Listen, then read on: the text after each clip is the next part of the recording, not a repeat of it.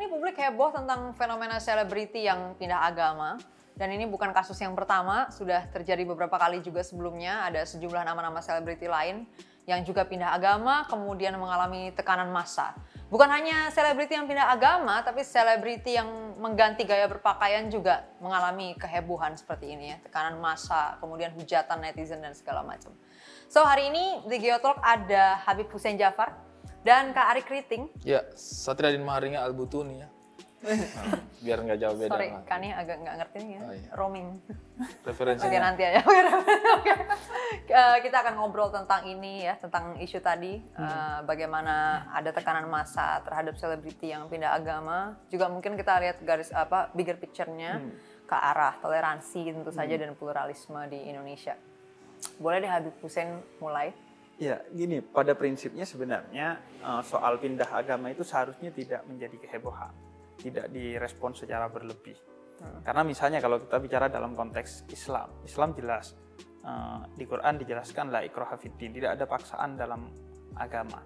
Dan dalam tafsirnya dijelaskan bahwa da- dalam pengertian ya betul-betul tidak boleh ada segala jenis pemaksaan. Lanya di sana la nafsil jins namanya.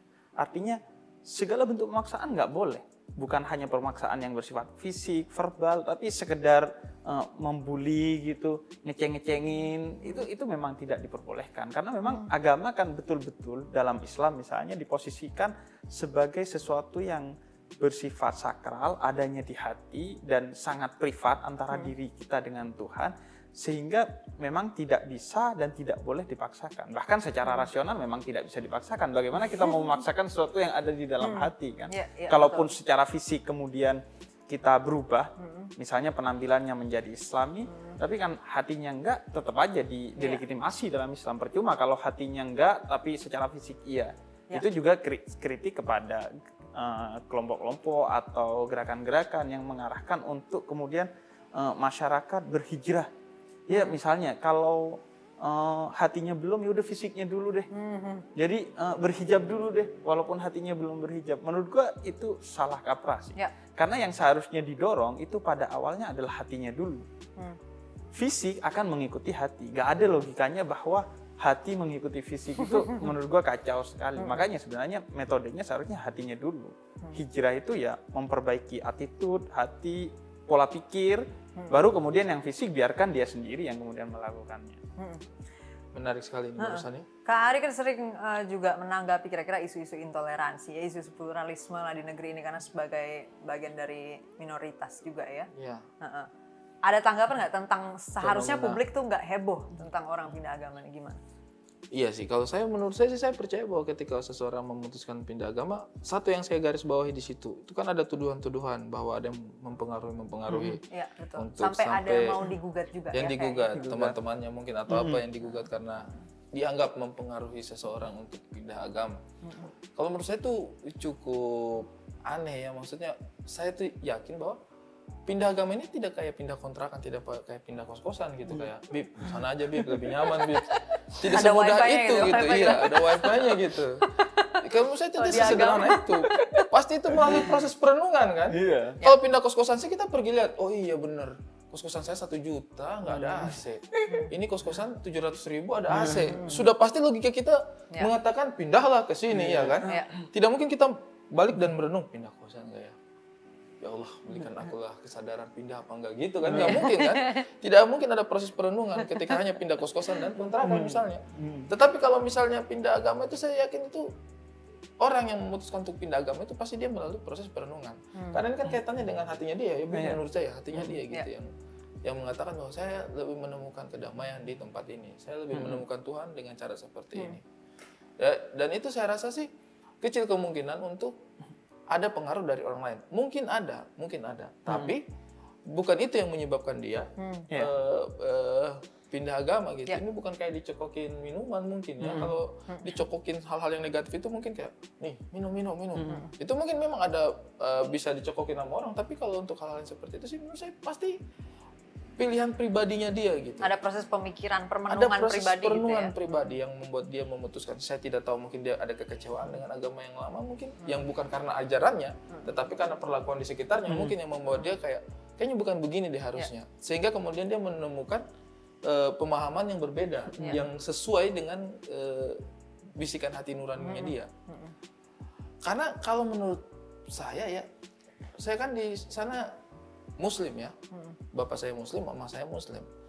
Tetapi saya punya bapak dan mama itu dari kecil sudah dipelihara sama orang Kristen. Hmm. Saya punya bapak disekolahkan sama Ibu Yohana. Eh, Ibu Yohana ini dia Kristen, Eh, punya hotel. Bapaknya saya diambil jadi tukang masak di situ, sambil disekolahkan. Ya. Mamanya saya itu tinggal di rumahnya yang namanya Ibu Kansil dan sampai sekarang keluarganya kami masih berhubungan baik. Kristen juga gitu. Di Indonesia ini kan kita punya apa ya? Dulu saya pernah dapat isu-isu itu orang yang dikasih Indomie, eh, apa dikasih mie instan, karton mie instan, Ya, terus dia pindah agama. Iya? Iya, pernah. Kristenisasi atau misalnya dia. rumah sakit biasanya Iya, Iya, rumah iya, sakit datang berobat, tiba-tiba ada kristenisasi Iya. kristenisasi di situ. Nah, itu saya tidak terlalu bisa menangkap gitu karena bapaknya saya ini dari kecil sudah sekolah sama orang Kristen. Mamanya saya juga dari kecil sudah sekolah dari sama orang Kristen. Ya, kalau misalnya mereka Imannya memang. imannya memang runtuh dan memang ada proses eh, untuk artinya kalau kristenisasi ini, iman itu memang bukan soal hati seharusnya bapak lu udah bapaknya saya jadi Kristen, Ya. mamanya saya Kristen, saya lahir Kristen. Ya. Harusnya kan Kalau bisa dipengaruhi Kalau bisa pihak luar. dipengaruhi. Tapi ini kan tidak juga. Sampai sekarang bapaknya saya juga tetap muslim-muslim aja dan tetap berhubungan baik dengan yang sekolahkan dia dulu. Ya.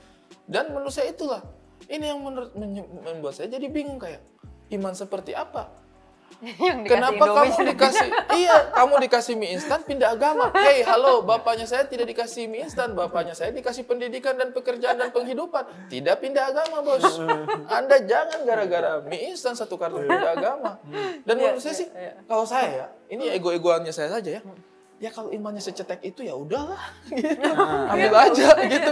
Kayaknya kita tidak terlalu ber- atau mungkin saya mau tanya Habib dulu. Emang kita kalau masuk surga itu dihitung berdasarkan jumlah populasi ya? Kayak voting nggak sih? Voting nggak sih? Siapa pemilik surga ini?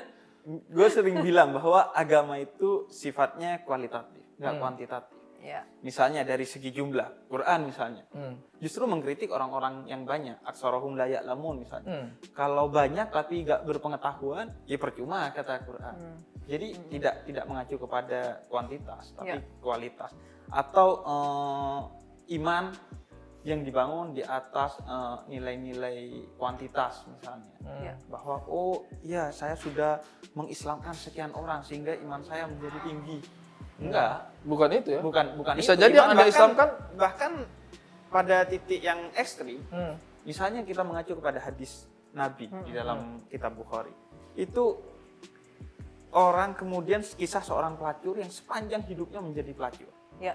tapi di akhir hidupnya dia kemudian memberi minum eh, seekor anjing yang kehausan Ya. dan dia dikisahkan bahwa dia mendapatkan keselamatan di akhirat Hmm. karena di ujung hidupnya artinya ini kan bersifat kualitatif, Kualitatif, bukan ya. kuantitatif. Ya, Jadi ya, bukan Sepanjang dihitung hidupnya- 90% hidupnya sama iya, 10% hidupnya. 90% Iya, hidupnya iya. jelek Tapi atau bahkan satu- 99% hidupnya Iya. jelek Iya. dalam tanda petik tentunya satu persen Ya, ya, ya. hidupnya baik maka dia ada yang sebaliknya sepanjang hidupnya jadi orang alim gitu. Karena Di- satu. tapi di akhir hidupnya misalnya kita juga lagi-lagi mengacu ke hadis Nabi aja.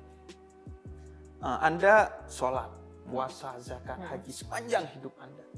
Tapi kemudian di akhir hidup anda anda merasa saya layak masuk surga artinya ada kesombongan di dalamnya maka kata Nabi anda akan menjadi generasi orang-orang yang bangkrut didelegitimasi semua uh, ritual itu. Gak ada gunanya kata Nabi. Kalau di ujungnya ada satu sedikit saja kesombongan maka gak ada gunanya semua itu. Artinya betul-betul bersifat kualitatif gak bersifat kuantitatif. Jadi sebenarnya kalau kita kehilangan satu orang yang pindah agama itu sebenarnya tidak akan menyebabkan kerugian pada umat. Kita, ya. Tidak seakan-akan itu kayak hancurlah umat Islam di Indonesia. Ada satu orang yang pindah. yang bisa menentukan kehancuran umat Islam adalah sikap berlebihan dalam menyikapi ini menyikapi tadi. ini Ketika bukan tidak bukan soal masuk dan keluarnya karena agama ini bukan MLM Ya, ya. Gak, gak banyak Semakin banyak banyak kan, anggota, sedikit sedikit Jadi kan. makin kaya gitu. Iya, makin gak, gak semakin. makin banyak jaring-jaring di Justru bawah. ketika umat beragama itu bukan cuma umat beragama, sesuatu yang semakin besar populasinya, justru harus semakin hati-hati karena kecenderungan kehilangan daya kontrolnya hilang. Karena agama itu intinya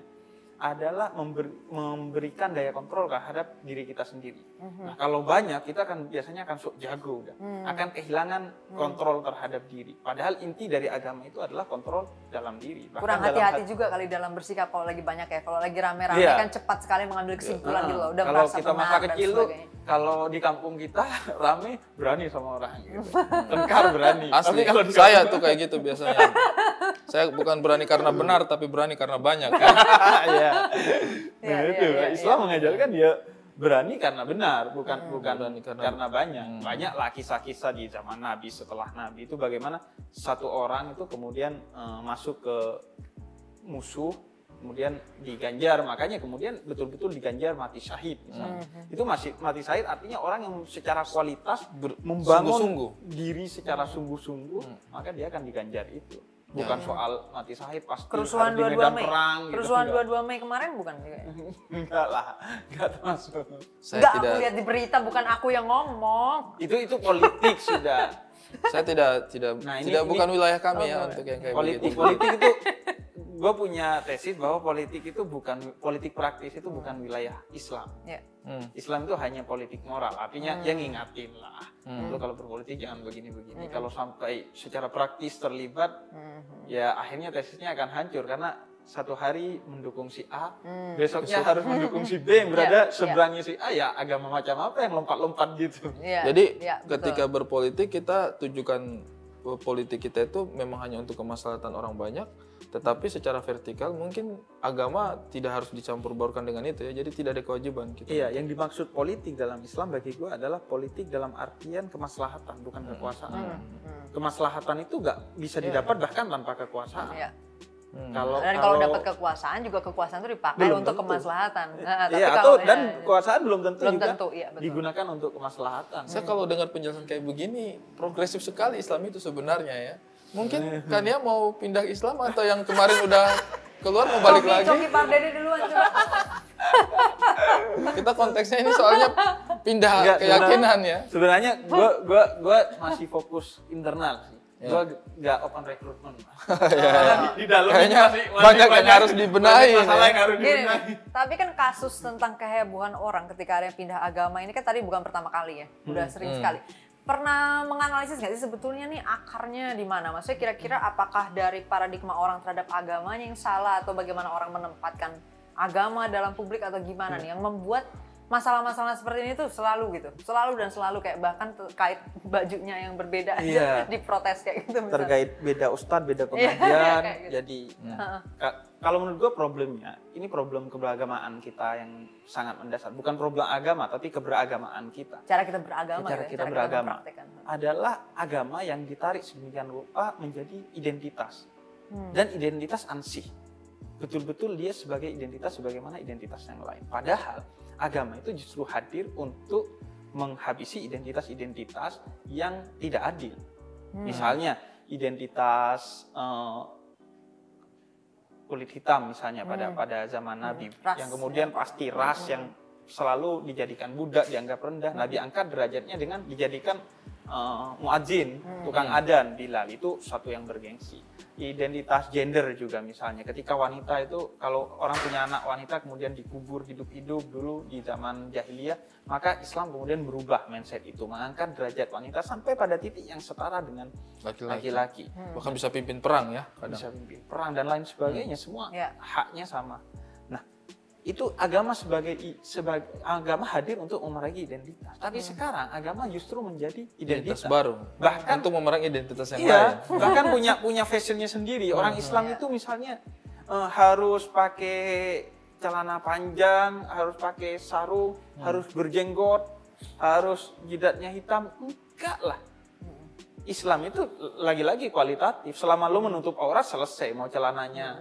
Ya. eh, apa pun se, se- se- apa semata kaki di bawahnya di bawahnya dengkul misalnya cukup udah nggak perlu. Dan nggak nggak mesti orang Islam harus Islam itu sekarang sekarang di- seolah tidak ada bedanya dengan Arab. Menjadi Islam harus menjadi Arab. Harus berjenggot. Bahkan sampai dipaksain itu gak ada jenggotnya dipaksain Pakai obat-obatan ya. padahal gue sering bilang nggak berani komen aku takut kena 156A. Ya, ayo. Padahal ya orang yang eh, ya mereka ingin ke Arab-Araban. Padahal gua yang jelas-jelas Arab itu berusaha untuk menjadi sangat Indonesia karena tanah air gua, eh, budaya gua, gua gua adalah orang Indonesia gitu yang kebetulan keturunan Arab. Sehingga gua m- terus meningkatkan keindonesiaan gua bukan Ya. malah mau ke Arab-Araban karena Arab itu budaya, Islam itu agama. Ya. Dan tuntutan identitas itu agak menyulitkan ya di satu sisi ya. Kayak misalnya jidat-jidat harus hitam, untuk kita yang kulit hitam itu agak tuntutannya agak berat ya. Bagaimana? Iya. Udah Oh, udah hitam saya ya? saya alim kok, tapi kok nggak ada tanda-tanda. Iya, tetep. Isnya. Iya, Iya, ini jadi- susah nih nggak kelihatan. Jadi agama itu kan, Ya, ya. Kalaupun kita mau bilang identitas, itu identitas transenden, bukan Hmm. imanen. Hmm. Artinya bukan identitas kita dengan manusia lain, Ya. tapi identitas kita dengan Tuhan. Hmm. Artinya begini, lo itu kalau menyebut eh, Muhammad tanpa sebutan Nabi, itu sangat tegas Islam mengkritisi, mengkritisi itu. Hmm. Karena Allah saja di dalam Al-Quran nggak pernah menyebut Muhammad tanpa gelar keagungannya. Wah, Misalnya di, di dalam Al-Quran, eh, ya ayuhan nabi disebutnya, Hmm. ya ayuhan rasul, wahai nabi, wahai rasul. Nabi-nabi lain disebut namanya, ya Ibrahim, ya Adam, wahai Ibrahim, Hmm. wahai Adam. Tapi ketika sampai kepada Nabi Muhammad, itu eh, gelar keagungannya harus disebut. Sehingga kita nggak boleh menyebut Nabi Muhammad kecuali harus pakai gelar Hmm. keagungan. Tapi lihat bahwa Islam itu memang identitas transenden gitu, bukan iman. Tapi ketika dalam perjanjian Hudaybiyah, ketika Nabi itu terlibat perjanjian dengan eh, musyrik, Hmm. orang-orang musyrik di Mekah, terus kemudian disebutkan perjanjian yang menandatangani ini Hmm. adalah Muhammad Rasulullah. Kemudian kata orang musyrik, ah, gue kan nggak ngakuin lu Rasul Tuhan, Ya. gue punya punya perspektif lain kata Ya. orang musyrik. Hapus dong. Terus wah si sahabat kan Emosi merasa ya, wah ini kayak- identitas Iya. Islam sedang Iya. mau diinjak-injak. diinjak-injak. Iya. Kemudian kata iya iya benar, ya sudah hapus kata Nabi. Muhammad aja, Muhammad bin Abdullah. Jadi ketika pertanggungjawaban kita ke Tuhan di ranah privat, kita begitu mengagungkan Nabi sampai pada titik yang bersifat identitas. Iya. Jangan menyebut Nabi kecuali gelarnya. Iya. Tapi di ranah publik identitas itu tidak Bisa di- ada. Iya, iya, iya. Tidak ada. Kalau memang karena identitas itu kita harus sentimen, kita Iya, harus iya. bertengkar dengan orang, maka identitas itu harus dileburkan. Karena pada Iya. dasarnya Islam itu eh, bukan mau hadir menghapus identitas yang lain sudah jelas, kemudian hadir sebagai identitas baru, ya. Baru yang bikin segregasi lagi di tengah Iya, masyarakat gitu ya itu akan jadi masalah baru dong. Tapi kan ada pembelaan untuk itu biasanya. Hmm. Tapi itu kan nabi. Kita kan tidak senabi. Nah itu Jadi kadang-kadang identitas itu memang apa ya bisa mengganggu perasaan-perasaan manusiawi kita. Hmm, Iya dong. Iya sebenarnya ya itu problem sih kalau dinyatakan Harusnya itu kan tidak nabi begitu ya? karena nabi Iya. di Quran sudah jelas dikatakan Muhammad itu adalah utusan Allah dari Ah. kalangan sekalian. Hmm. Nah itu yang bikin kita berjarak kepada nabi kalau anggap oh ini nabi. Saya tidak semampu Saya itu. tidak seperti nabi. Saya Makanya bisa Allah emosi sejak dong. awal bilang dia manusia biasa. Iya, iya, iya. Tapi karena mendaki eh, secara transenden keimanan Hmm. sampai pada titik yang kemudian mendapatkan Wahyu. posisi tinggi dan wahyu. Iya, iya. Nah, kalau lo mau melakukan bisa aja posisi lo sangat tinggi. Iya. Ya tapi Tapi wahyu kalau sudah dikit-dikit ditutup udah secara emosi teologis. udah nggak bisa. Iya, Kalau iya, iya. dikit-dikit ini amarah segala macam nggak bisa nyampe posisi itu gitu. Nggak loh. akan bisa. Iya, iya. Sepakat, sepakat, sepakat. Ya, itu- Gimana tentang identitas tadi selain selain uh, agama kan tentu saja di Indonesia ini ada elemen-elemen identitas Hmm. lain ya. Ya tadi sebenarnya dalam agama harapnya ada peleburan, tapi kan tetap saja kita tetap mengalami adanya uh, ya sentimen-sentimen identitas kalau Kak Ari mungkin mengalami identitas ketimuran misalnya kan. Hmm. Ngelihatnya kalau isu ras atau tadi suku ya lebih ke suku kali ya Iya. lebih tepatnya itu suku bangsa itu gimana ngeliatnya Kak Ari? Apakah sama seperti tadi kata Habib misalnya ini seharusnya melebur identitas ini atau gimana sebetulnya? Iya, kalau saya sih sebenarnya kan